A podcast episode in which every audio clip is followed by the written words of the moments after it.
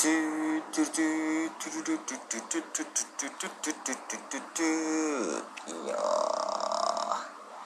日本人が知らない外国のこと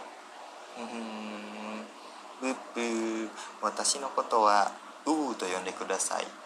UWU ウウ皆さんできますかいてみてくださいそれなかなか面白い名前なんですよまあ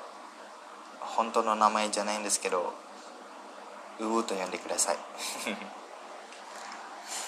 これからは日本と外国のギャップいや外国じゃない私インドネシア人なので日本とインドネシアのギャップ